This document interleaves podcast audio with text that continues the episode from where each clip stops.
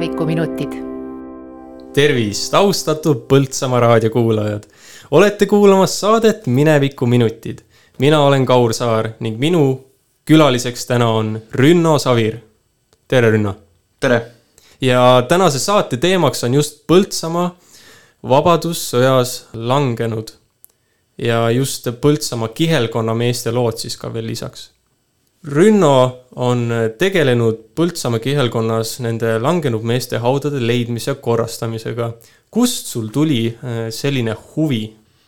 tegelikult huvi on äh, juba väiksest peale olnud, kui ma olen väik-, kui ma olen üles kasvanud äh, väga isamaaliste raamatutega.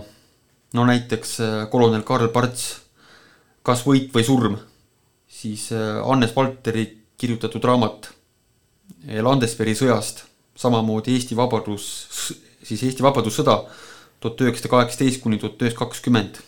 see on siis kaheköiteline kapitaalne teos. et need on mul omal kodus vaiksest peale juba olnud ja neid ma olen uurinud ja lugenud ja sealt see huvi on tekkinud. aga just nende Vabadusristi kavaleride ja Vabadussõjas langenute haudade otsimisega, siis sai, kõik sai alguse Eesti Vabadusvõitlejate Liidu üleskutsest Eesti Vabadusvõitlejate Liidu liikmesorganisatsioonidele kahekümne kaheksandal aprillil kaks tuhat kuusteist. tolleaegne Eesti Vabadusvõitlejate Liidu juhatuse esimees Gunnar Laev käis selle mõtte välja, et maakondlikud organisatsioonid võiks oma maakonnas üles otsida Vabadusristi kavalerid ja neid tähistada. ja, ja meie tolleaegne Eesti Vabadusvõitlejate Liidu Jõgevamaa vabadusvõitlejate ühenduse esimees Arnold Kull kaasas siis minu ka sinna haudade otsimisse. ja nii see asi läks, et siis äh, aastal kaks tuhat kuusteist sügis hakkasime neid haudu otsima kas alguses oli plaan ainult äh, nii-öelda kavalerid leida? ainult kavalerid. jah, ja siis kas äh, pärast nii-öelda kõik vabadussõja, äh, vabadussõjas langenute hauad, siis kas see oli nüüd sinu enda nii-öelda jätk sellele või ku, kuidas see siis läks? jah, põhimõtteliselt see oli jätk. et, et Vabadusristi kavaleride hauad otsisime üles kahekümne kuuendal novembril kaks tuhat kuusteist koos Arnold Kulliga ja kalmistuvahi abi Vahur Maistega sa-, aga samas väga palju aitas kaasa ka kalmistu vaht Madis Roio, et ilma nende kahe mehe abita ei oleks e, neid langenute ja Vabadusristi kavaleride haudu kindlasti leidnud. et kui kavaleride hauad said e, mainitud kuupäeval üles otsitud, siis kahe tuhande seitsmeteistkümnendal aastal sai Arnold Kulli eestvedamisel asetada nendele haudadele ka siis Vabadusristi kavaleride hauatähised suure pidulikkusega. et Arnold korraldas äh, nii-öelda tagalat sellel päeval ja siis mina olin päevajuht kalmistul.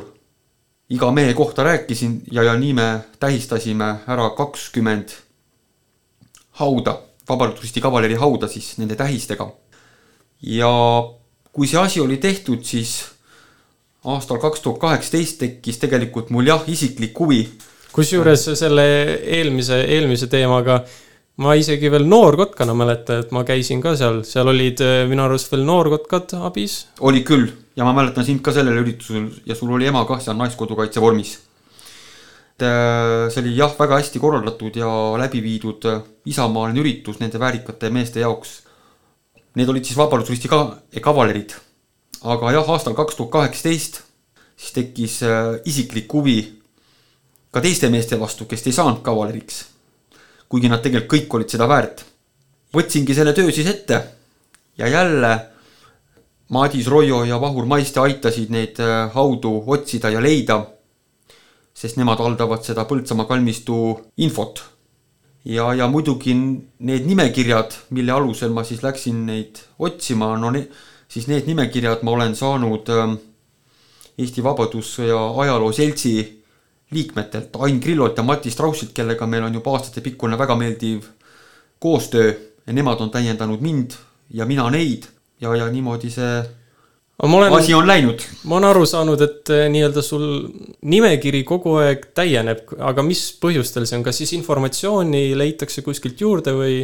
täpselt nii, see info on täienenud kõik viimased aastakümned, kui mehed on selle asjaga tegelenud et, et minul on lihtsalt meeldiv koostöö nendega ja nemad jagavad oma infot minuga ja siis mina Põltsamaa kihelkonna osas nende leitud äh, nimekirjadega siis äh, olengi mööda Põltsamaa kalmistuid käinud ja otsinud neid haudu.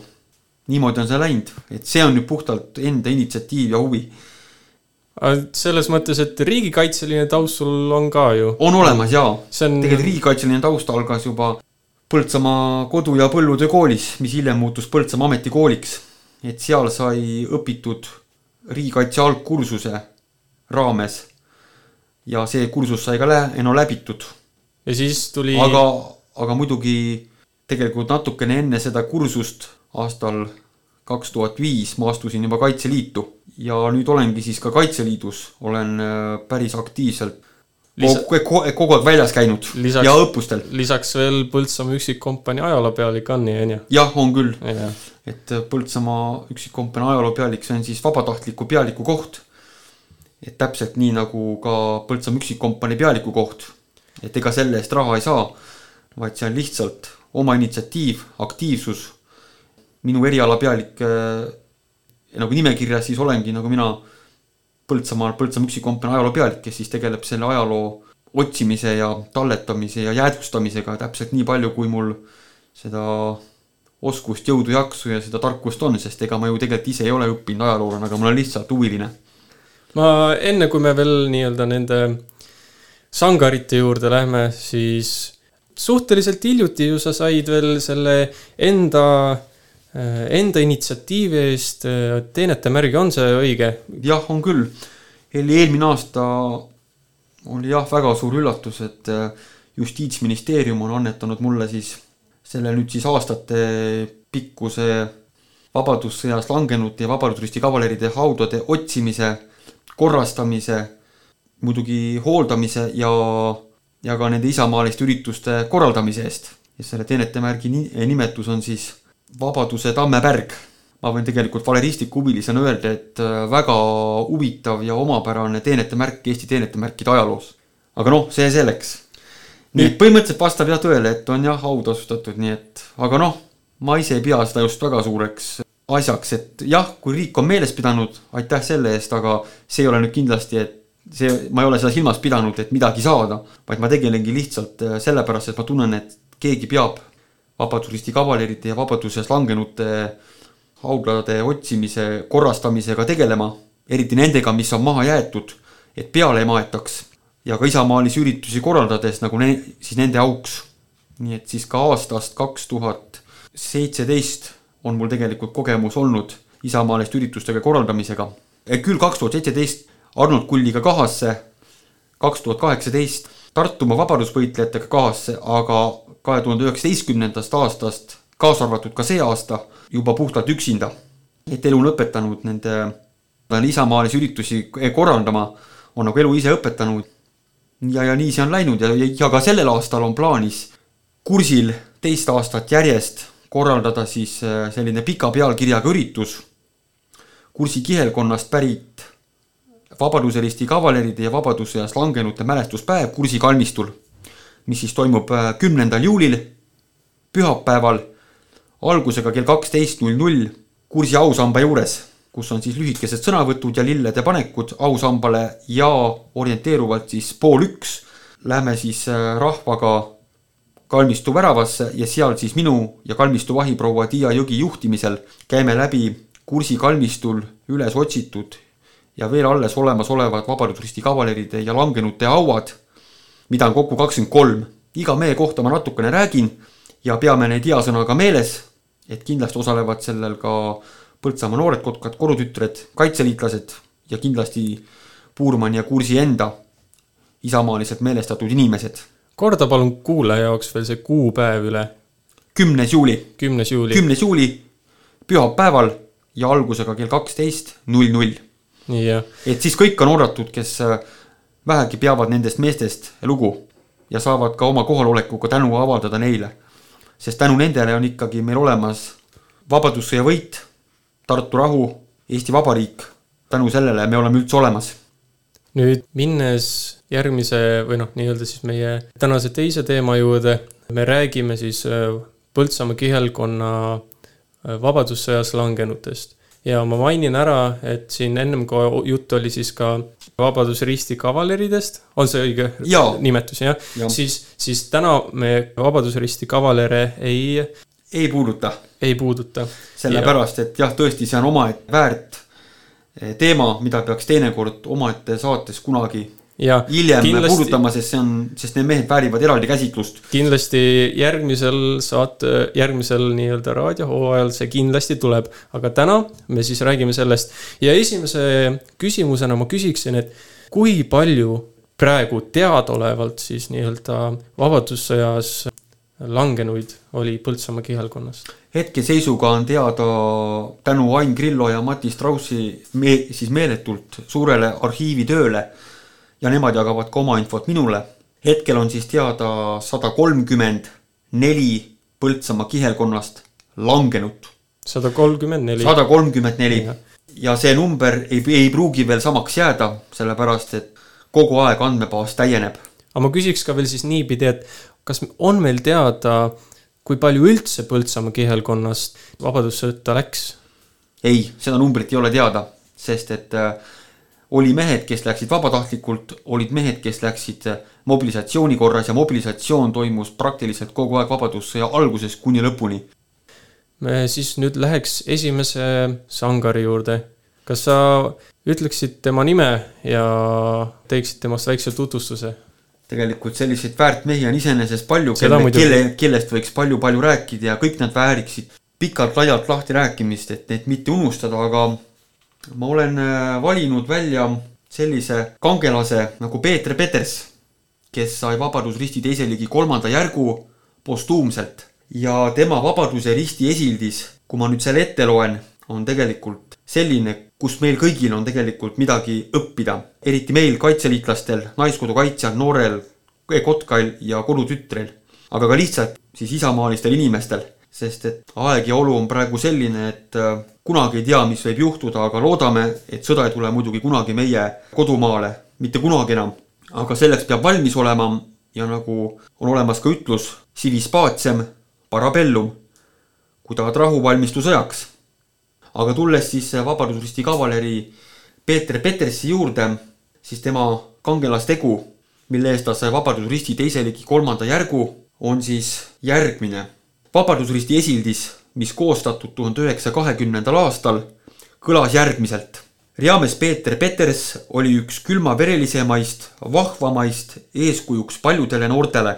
kolmekümne esimesel jaanuaril tuhande üheksasaja üheksateistkümnendal aastal Pedeli mõisa juures, kus rood vaenlase risttule alla sattus ja paljudki hirmuga laiali jooksid, tormas Peeters edasi ja kargas esimesena punaste patarei kallale.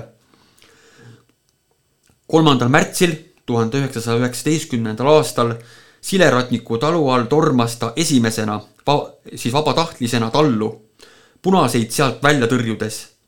nii kõige ees tormates ja vaenlast taga ajades tabas teda vaenlase kuul peast, teda silmapilkselt surmates. Riames Peeter Peterson siis maetud Põltsamaa kalmistule, tema haud oli maha jäetud. ja kui me kahe tuhande seitsmeteistkümnendal aastal hakkasime haudu korrastama, siis oli seal suur võsa. aga nüüd on tema haud korrastatud ja ma olen täna siis sellel aastal viiendat aastat mahajäetud haudu koos Põltsamaa noortekotkastega korras hoidnud ja nüüd on Peeter Petersi haud iga aasta korras.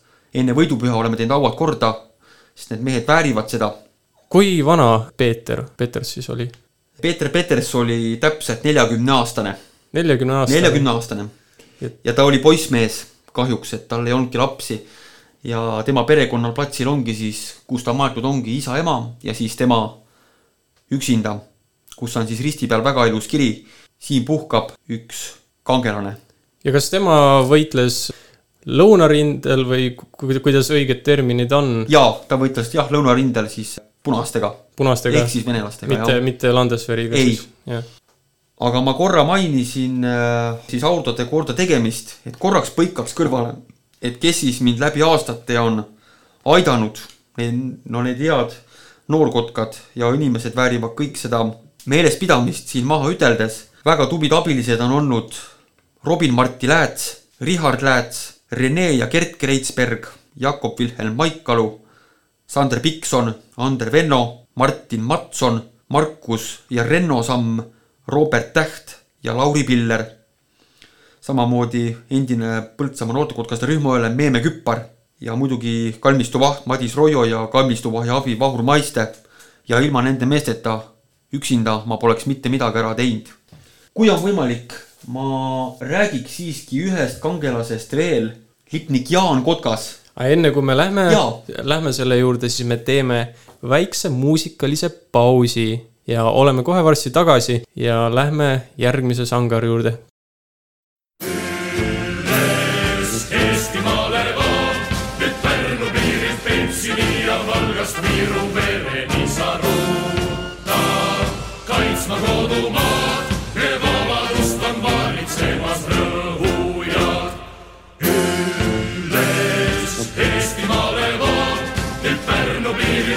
piirilt Pentsini ja Valgast Viru vereni sa ruuta. kaitsma kodumaad, me vabadust on vaalitsemas rõhujad. kindel kui raud on meie meeste meel, et võit meil või haud, nii kinnitavad keeled ei või ükski ütelda, et Eesti mehed andnud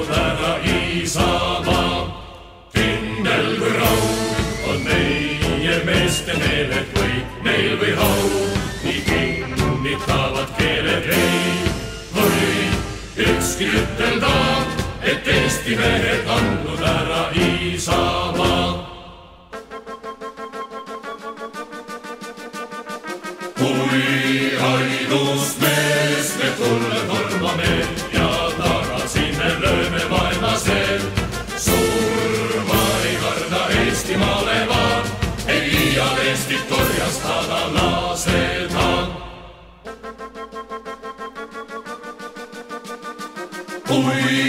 ainus mees me tulle tormame ja tagasi me lööme vaenlase. surma ei karda Eestimaale vaan, ei iial Eestit korjastada laseda. üles mehed vahvamaad, kes Läti piirist Narvani ja terves Eestis elavad, sest veel on Eestis vägemus, võib võita vaenlast kangelat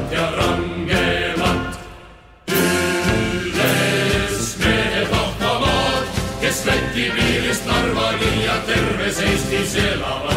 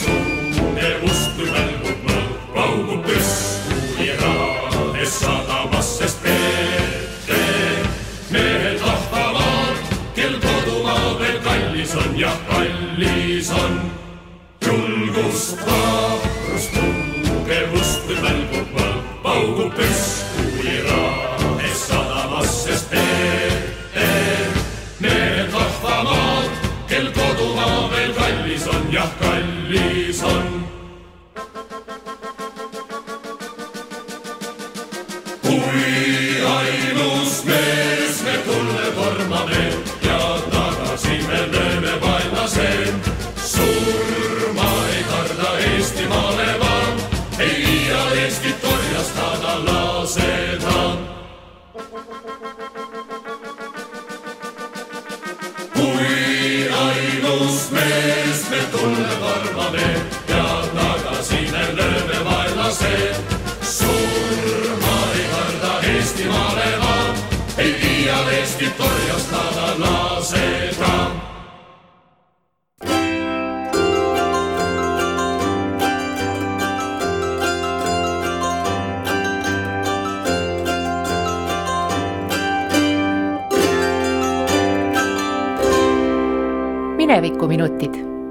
ja oleme tagasi muusikapausilt. minuga siin on Rünno Savir ja mina olen Kaur Saar ja jätkame teemal Põltsamaa kihelkonnas langenud vabadussõdalased siis. Rünno, aga Põltsamaa kihelkonnast oli sada kolmkümmend neli langenut. täpselt. kas meil on teada, kes oli see esimene kangelane, kes kan- andis elu? jaa, on teada küll. kõrvutades kuupäevi saja kolmekümne nelja poisi ja mehe seas, sest et kõik ei jõudnud veel meheks saada, siis esimeseks langenuks Põltsamaa kihelkonna meeste seas osutus Aleksander Rehemaa. tema oli siis Põltsamaa kaitseliitlane ja Põltsamaa kaitseliitlased olid rindel nii Aidu all kui ka Saduküla all. siis Kuperjanovi partisani salgameestega, teise jalaväepolgu meestega ja Aidu all ka Torma kaitseliitlastega. Põltsamaa kaitseliitlastel oli vahipost Sadu külas ühes talus ja seal vahipostil oli ka Põltsamaa kaitseliitlane Aleksander Rehemaa. punane ratsaväe salk ootamatult ründas talu ja võttis ka siis kaitseliitlaste posti kinni. peale Aleksander Rehemaa said teised kõik põgenema. Aleksander Rehemaa jäi siis punastele kätte ehk vangi ja kahjuks äh, ta pidi väga palju läbi elama, enne kui ta suri kangelast surma. sellepärast, et Eh, ega tolle aja punased ei, ei jäänud mitte alla oma eelkäijatele ega ka oma järglastele, sellepärast et eh, Aleksander Rehemaa pidi palju kannatama, enne kui ta suri. ta torgiti täkkidega silmad peast välja, kõik luud murti ja pagunid löödi mitmetolliste naeltega õlgade külge. Aleksander Rehemaa on maetud Eesti Apostliku Õigeusu Kiriku Põltsamaa koguduse kuningamäe kalmistule. kahjuks me tema hauda pole leidnud, aga lootust on siiski leida, sest et sellenimelised on maetud sinna kalmistule ja nüüd on lihtsalt Vabadussõja Ajaloo Seltsi meestel muidugi palju tööd, aga on lootust, et me leiame ta haua siiski üles ja saame teda ka meeles pidada. et me pole teda unustanud. nii et Põltsamaa kaitseliitlastel on tegelikult, keda mälestada ja keda mäletada. eks siit igaüks saab ise mõelda ja võrdlusi tuua siis praeguse aja Ukrainaga siis, kas asjad on muutunud või mitte. aga veel siin Aidu lahingust rääkides oli üks ohvitser. jaa, siis eh, vaieldamatult meie Põltsamaa kihelkonna kangelane, kes kaitstes meie kihelkonda, meie kodu, andis oma elu Isamaa eest, on siis lipnik Jaan Kotkas ja tema on tegelikult sünnipoolelt Võrumaa mees, sündinud Koikküla vallas Simsoni talupidaja peres. aga tema kohta ma ütleks, et tema on tõenäoliselt üks paarikümnest eestlasest, kes osaledes esimeses maailmasõjas teenis välja siis äh, Georgi risti kõik järgud. Georgi rist, Georgi sõduririst täpsemalt, on siis äh, ajaloos väga lugupeetud ja väga austust vääriv autasu, sest see anti konkreetselt lahinguväljal ehk siis Sangari teo eest oma elu ohtu seades. ja neid mehi ei saa olla üle paarikümne. ma konsulteerisin sõjaajaloolase, vabadusaajaloolase, Viljandi muuseumi direktori Jaak Pihlakuga ja kuigi uurimus pole tehtud nii täpselt, siis ta ütles, et üle paarikümne inimese neid olla ei saa, kellel on täis Georgi risti komplekt. see yes. tähendab siis esimene, teine, kolmas ja neljas klass. ja see oli saadud siis tsaariarmees, jah? jaa, täpselt nii. aga see räägib sellest, et mees oli väga julge, vapper, teotsemiskindel ja surmapõlgav, sest need on tõesti sest eestlastest on teada tema, on peale tema veel teada täiskomplekti kavaler kapten Anton Irv. vabadussõjas oli siis soomusrongide divisjoni ülem ja kapten Jaan Kruus, kes siis hiljem oli kindralmajor. aga tulles siis Jaan, lipnik Jaan Kotka juurde tagasi, Vabadussõja alates teenis ta teise jalaväepolgu kaheksanda roodu ülemana. kui, te, kui ja, suur rood oli tol ajal? jah, see on hea küsimus. Rood on tänapäeval siis kompanii vaste ja rood on siis tavaliselt Vabadussõja aeg oli sadakond meest. et sada kümme, sada kakskümmend algusaegadel oli kogu, oli siis rood väiksem, aga ka Vabadussõja edenedes nii keskpaigas kui ka lõpus, siis roodud said täiskomplektseks. ehk siis olid juba isegi saja kahekümnesed. ja, ja siis lipnik Jaan Kotkas oli teise jalaväepolgu kaheksanda roodu ülem ja tema võitles siis Aidu all, kus ta siis endiselt olles vapper julge, nagu ka esimeses maailmasõjas, kus ta oli saanud kõik Georgi risti neli klassi, sai kahjuks väga raskelt haavata. ja et me teda ei ole unustanud, oleks tegelikult äh, raamatust Eesti ohvitser langenud Vabadussõjas, mille on kirjutanud Jaak Pihlak, kus on siis äh, kakssada viiskümmend kuus langenud ohvitseri elulugu. Seda raamatut ma soovitan kõigile lugeda, sest sealt on meil kõigil isamaalistel meestel ja naistel midagi õppida julguse, vapruse ja isamaa armastuse kohta. ja selles raamatus on siis äh, kirjas ka tema surmast. teise jalaväepolgu noorem arst doktor Männiku poolt, mis on kirjutatud siis Põltsamaal viiendal jaanuaril tuhande üheksasaja üheksateistkümnendal aastal. ja ettekanne on siis teise jalaväepolgu ülemale ja ettekanne on järgmine. Raport. teadvustan sellega, et neljandal jaanuaril sellel aastal teel Aidust Põltsamaale lipnik Jaan Kotkas, kaheksanda roodu noorem ohvitser, pahema kubeme veresoonte purustamise läbi, mis kuuli läbi on sündinud, rohkevere kaotuse tõttu ära on surnud. ka kadunu surnukeha lamab Laatsareti ruumides vana Põltsamaa mõisa valitseja majas. peab ütlema ka seda, et Vabaduse risti saamiseks ta esitati, kahjuks kõiki kangelasi, kes esitati, ei autasustatud Vabadusristiga ja nende seas siis ka lennulipnik Jaan Kotkas. küll aga võiks ette siinkohal kanda ka tema Vabaduse risti esildises kirjeldatud Sangari teo ja tema surma põhjust siis. lipnik Kotkas langes võitluses enamlaste vastu Aido lahingus neljandal jaanuaril tuhande üheksasaja üheksateistkümnendal aastal. Ta oli esimene ohvitser, kes vaenlase vastu polgus surma sai. Aido küla sai enamlastele selleks äravõitmatuks kindluseks, kus ta ikka veriselt taganema pidi.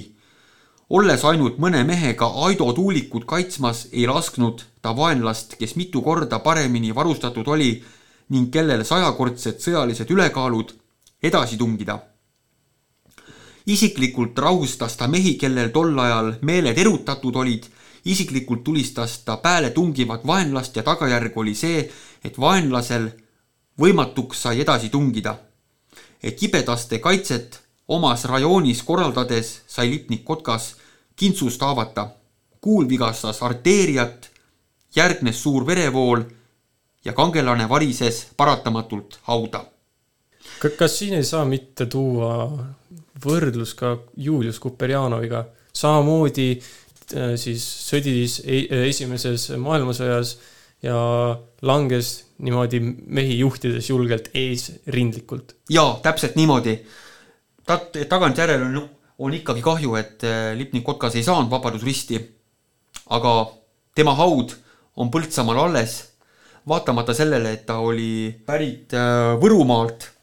millegipärast vanemad teda ümber ei matnud, nagu oli paljude puhul.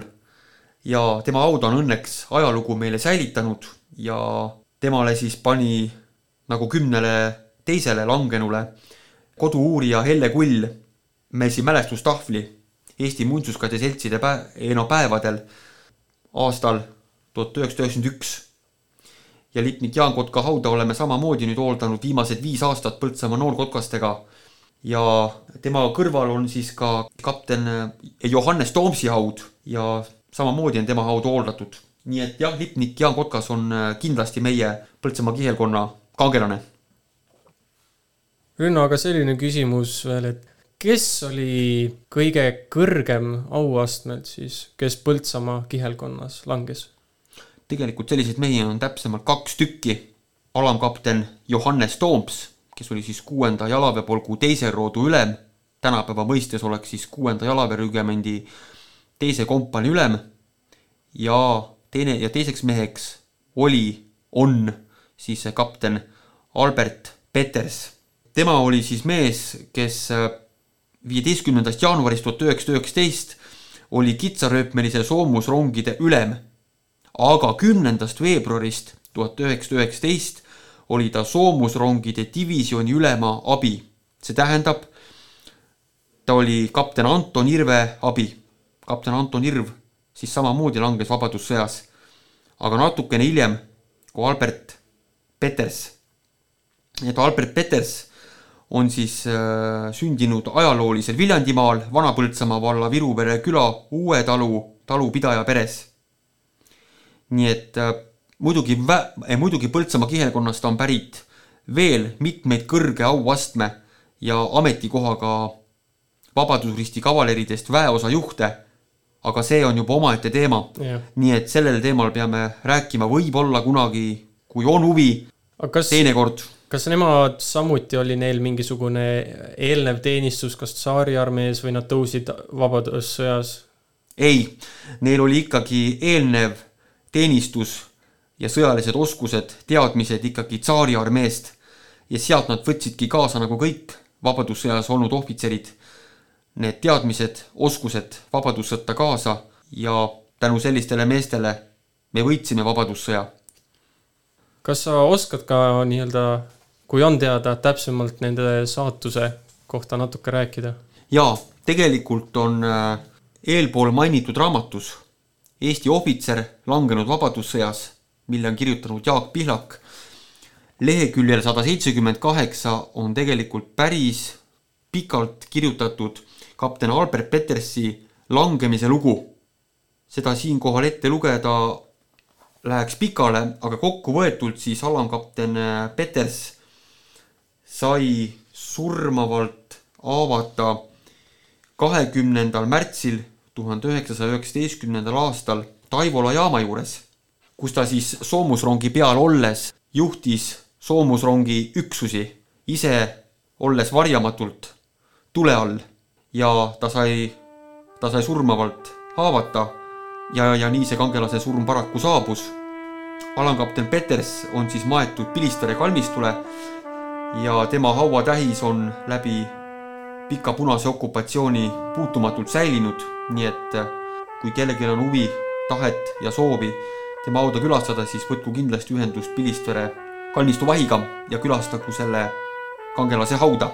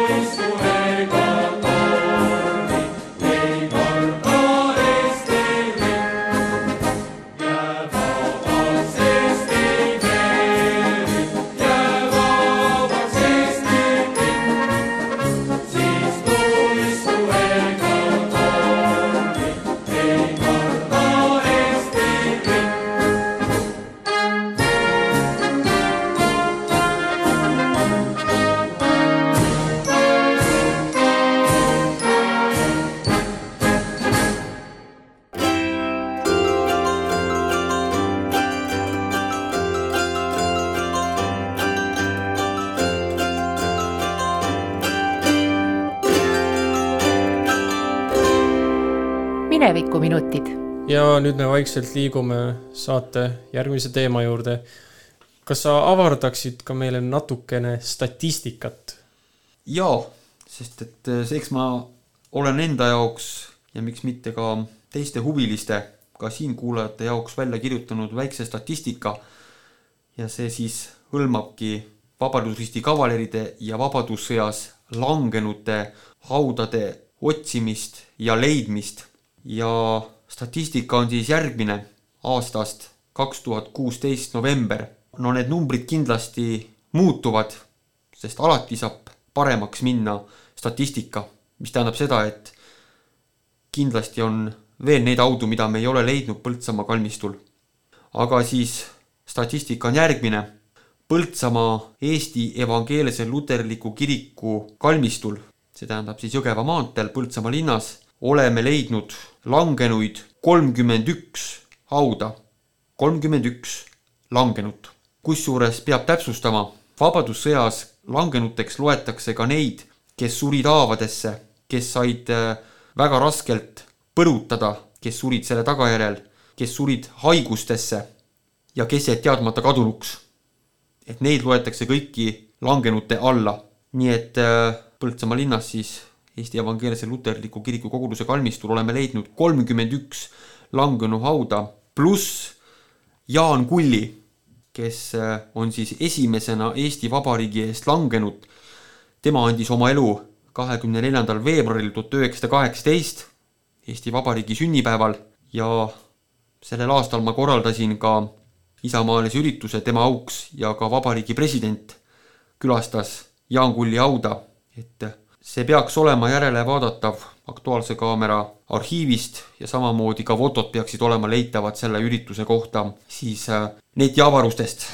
lisaks neile kolmekümne ühele langenule Põltsamaa kalmistul oleme leidnud ka kakskümmend üks Vabadusristi kavaleriauda, sealhulgas kaks genotaafi. Need kaks genotaafi siis tähendavad seda, et mehed on mujale maetud näiteks kapten Hans Rebane, Vabadusristi teise ligi kolmandjärgu kavaler, väga tuntud Eesti-aegne Põltsamaa tegelane, reservohvitser, pangandustegelane. ta arreteeriti ja lasti Siberis maha. nii et siis äh, kokku on Põltsamaa koguduse kalmistul viiskümmend kaks hauda. aga ka Põltsamaa saksa pihtkonna kalmistul Pikal tänaval oleme leidnud kolme langenu hauad samamoodi Põltsamaa Eesti Apostliku Õigeusu Kiriku Kuningamäe kalmistul oleme leidnud langenuid ühe ja Vabadusristi kavalere samuti ühe.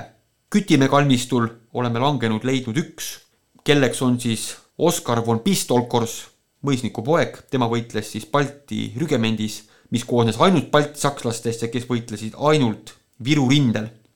kui ma mainisin Viru rinnet, siis oleks päris huvitav mainida, et tänasest Põltsamaa vallast ongi pärit Viru rinde väejuht, kindralmajor Aleksander Tõnisson.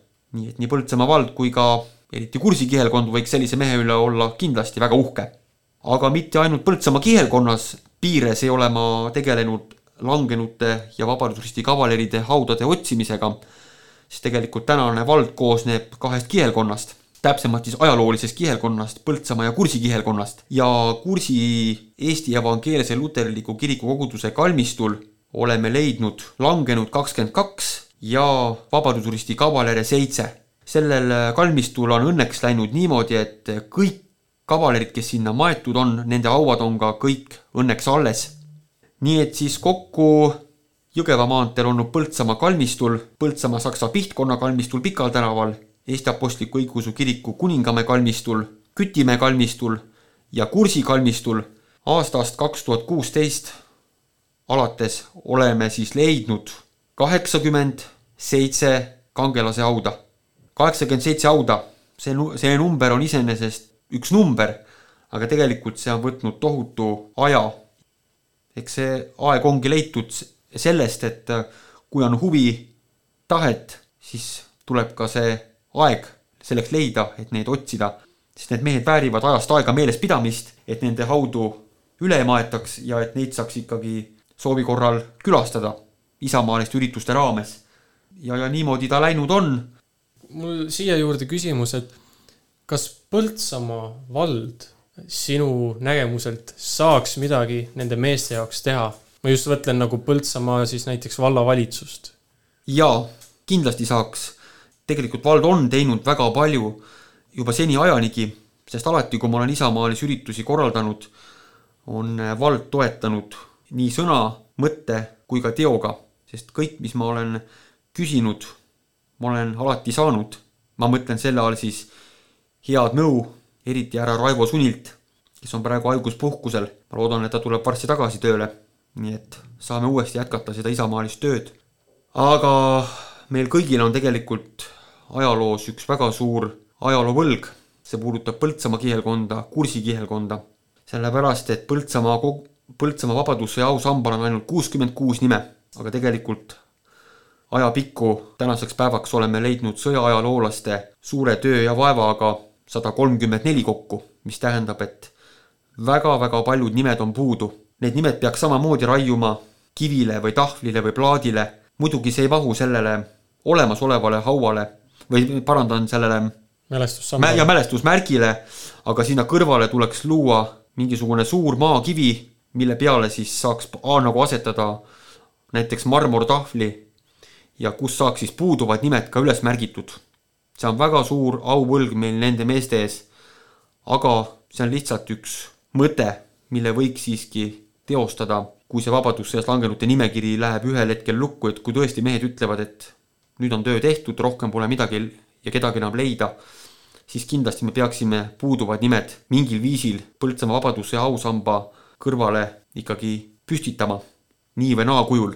ja kursi kihelkonnas osas on samamoodi, et ausambal on kakskümmend kaks nime, teada oli nelikümmend neli nime, aga tegelikult minul on nimekiri tänu Ain Grillo Mati Straussile, kus on viiskümmend üks nime. ka, ka kursi osas tuleks need puuduvad nimed kivisse raiuda. nii et tegelikult meil on väga-väga palju veel nende meeste mälestuseks teha. muidugi, mis puudutab kursit, siis me ju teame, et ajaloolisel kursi kihelkonnal on soov liituda ajaloolise Tartumaaga aga muidugi elame-näeme, sest et ähm, kui vaadata Eesti omavalitsuste ajalugu, siis on kogu aeg tegelikult piirid muutunud ja see ju tegelikult ei takista isamaalise ürituste läbiviimisel ega, ega langenute siis mälestamisel mitte kunagi. sest Eesti Vabadusvõitlejate Liidu mehed käivad ju tegelikult olenemata sellest, kust keegi pärit on, me ju mälestame iga aasta ka Sinimägedel langenuid, käime muudel isamaalistel nagu üritustel, et äh, me ei ütle ju niimoodi, et äh, ma olen siit pärit, et ma sinna ei lähe. tegelikult jah, Põltsamaa piirkonnal ja inimestel on tegelikult väga-väga palju langenute mälestuseks teha. muide, järgmine aasta avatakse kahekümne kolmandal juunil Viljandis kõigile Sakala maalt pärit langenutele Vabadussõja ausammas. See au, seda ausammast loeti juba esimesel Eesti ajal kõige suurejoonelisemaks, imposantsemaks, võimsamaks vabadus- ja mälestusmärkide seas kogu Eestis. ja nüüd selle kogu protsessi on käima tõmmanud härra Jaak Pihlak. me saame ka järgmine aasta seal kõik, kes on isamaalised inimesed, saame osaleda sellel avamisüritusel, sest sellega mälestatakse kõiki, mitte ainult Põltsamaa kihelkonnas, vaid kogu Sakala maalt langenuid Vabadussõjas. Ja, ja me saame anda ka oma panuse, et äh, iga annetus oleks teretulnud. eilegi kõneledes Jaak Pihlakuga Äh, ütles, et väike saba ots on veel puudu. kui vähegi võimalik on, iga euro ole, oleks siis teretulnud Viljandi Vabadussõja ausamba taastamise fondi. ja selle info leiab Viljandi vallavalitsuse kodulehe pealt, kus on siis kõik rekvisiidid. ja niimoodi me saamegi meeles pidada ka oma langenuid ajast aega. Seoses ka ausamba avamisega härra Jaak Pihlak annab välja ka raamatu, kus on kõigi Sakala maalt pärit Vabadussõjas langenute elulood. ja raamatu teine osa räägib siis äh, Sakala maa vabadussõja ausammastest ja nende ajaloost ja kolmas osa räägib siis, kus on ainult nimekirjad nende kohta, kes annetasid oma raha Vabadussõja ausamba jaoks. et meil kõigil on võimalik veel tänapäevalgi meeles pidada oma kangelasi ajast aega. nii et jõudu-jaksu selleks meile kõigile ja ärme unusta oma langenuid selles, sellepärast, et tänu nendele meestele me saime võita Vabadussõja. tänu nendele meestele me oleme eestlastena omal maal küll läbi raskete okupatsioonide, aga me oleme ikkagi olemas sest muidu oleks juhtunud meiega see, mis juhtus soome-ugri rahvastega, kes jäid stalinliku Venemaa alla. Neid enam tänapäevaks ei ole, nad on hävitatud, nii et me saame neid meeles pidada ajast aega, nii et ärme unusta oma kangelasi. ärme unusta ja nüüd me peamegi saatega lõpetama. ma kindlasti sellist saadet, kus me räägime veel siis Põltsamaa kihelkonna Vabadussõjas langenutest, ma tahan kindlasti seda veel teha järgmisel hooajal, sest see on meeletult tähtis teema ja neid tuleb mäletada. ja Rünno, noh, sa oled juba osasid raamatuid maininud, on sul veel midagi lisada sinna? jaa, üldse soovitaks äh, lugejatele, et saada Vabadussõjast hea pilt, Eesti Vabadussõja ka siis kaheköiteline kapitaalteosed. esimene köide ja teine köide on siis välja antud üheksakümne kuuendal, üheksakümne seitsmendal aastal. nüüd siis mõni aasta tagasi anti küll äh, ka samamoodi kaheköiteline kapitaal, kapitaalsed teosed välja, et ma soovitan need kindlasti läbi lugeda, et aru saada Vabadussõja raskustest ja tähtsusest. aga mis puudutab Põltsamaa kihelkonda, siis ma soovitaks äh, kõigile otsida üles raamatud kas sõprade-tuttavate või raamatukogu käest Viljandi muuseumi aastaraamat kaks tuhat kuus, kus on siis kõigi Põltsamaa kihelkonnast pärit Vabaduse Risti kavaleride elulood. samamoodi raamat, mida on juba maininud, Eesti ohvitser langenud Vabadussõjas, Jaak Pihlak ja, ja selles raamatus on siis äh, Põltsamaa kihelkonnaga seotud mehi kaheksa meest. Nendest elulugudest on meil kõigil õppida, kuidas olla Eestile kasulik ja olla õigel ajal õiges kohas, kui selleks Eesti nõuab. ja samamoodi raamat Jõgeva maa vabadusvõitlus, koostaja on Illar Ümar. Et ka selles raamatus on kompaktselt koos äh, Põltsamaa kihelkonna Vabaduse Risti kavalerid, aga on ka siis teisest maailmasõjast juttu. nii et muidugi raamatuid on veel, veel, mida võiks siis raamatukogudest küsida, aga need oleks just need, mida ma soovitan. nii et ma sooviksin ikkagi tänapäeval ähm, inimestele rohkem jõudu, jaksu, isamaalist meelt, kindlat tahet olla Eestile kasulikud. Jah, alati me võime millegi üle viriseda, vinguda, aga me saame ju alati ise asju teha paremaks. soovin kõigile jõudu-jaksu oma perekonna ja Isamaa hoidmisel ja kaitsmisel.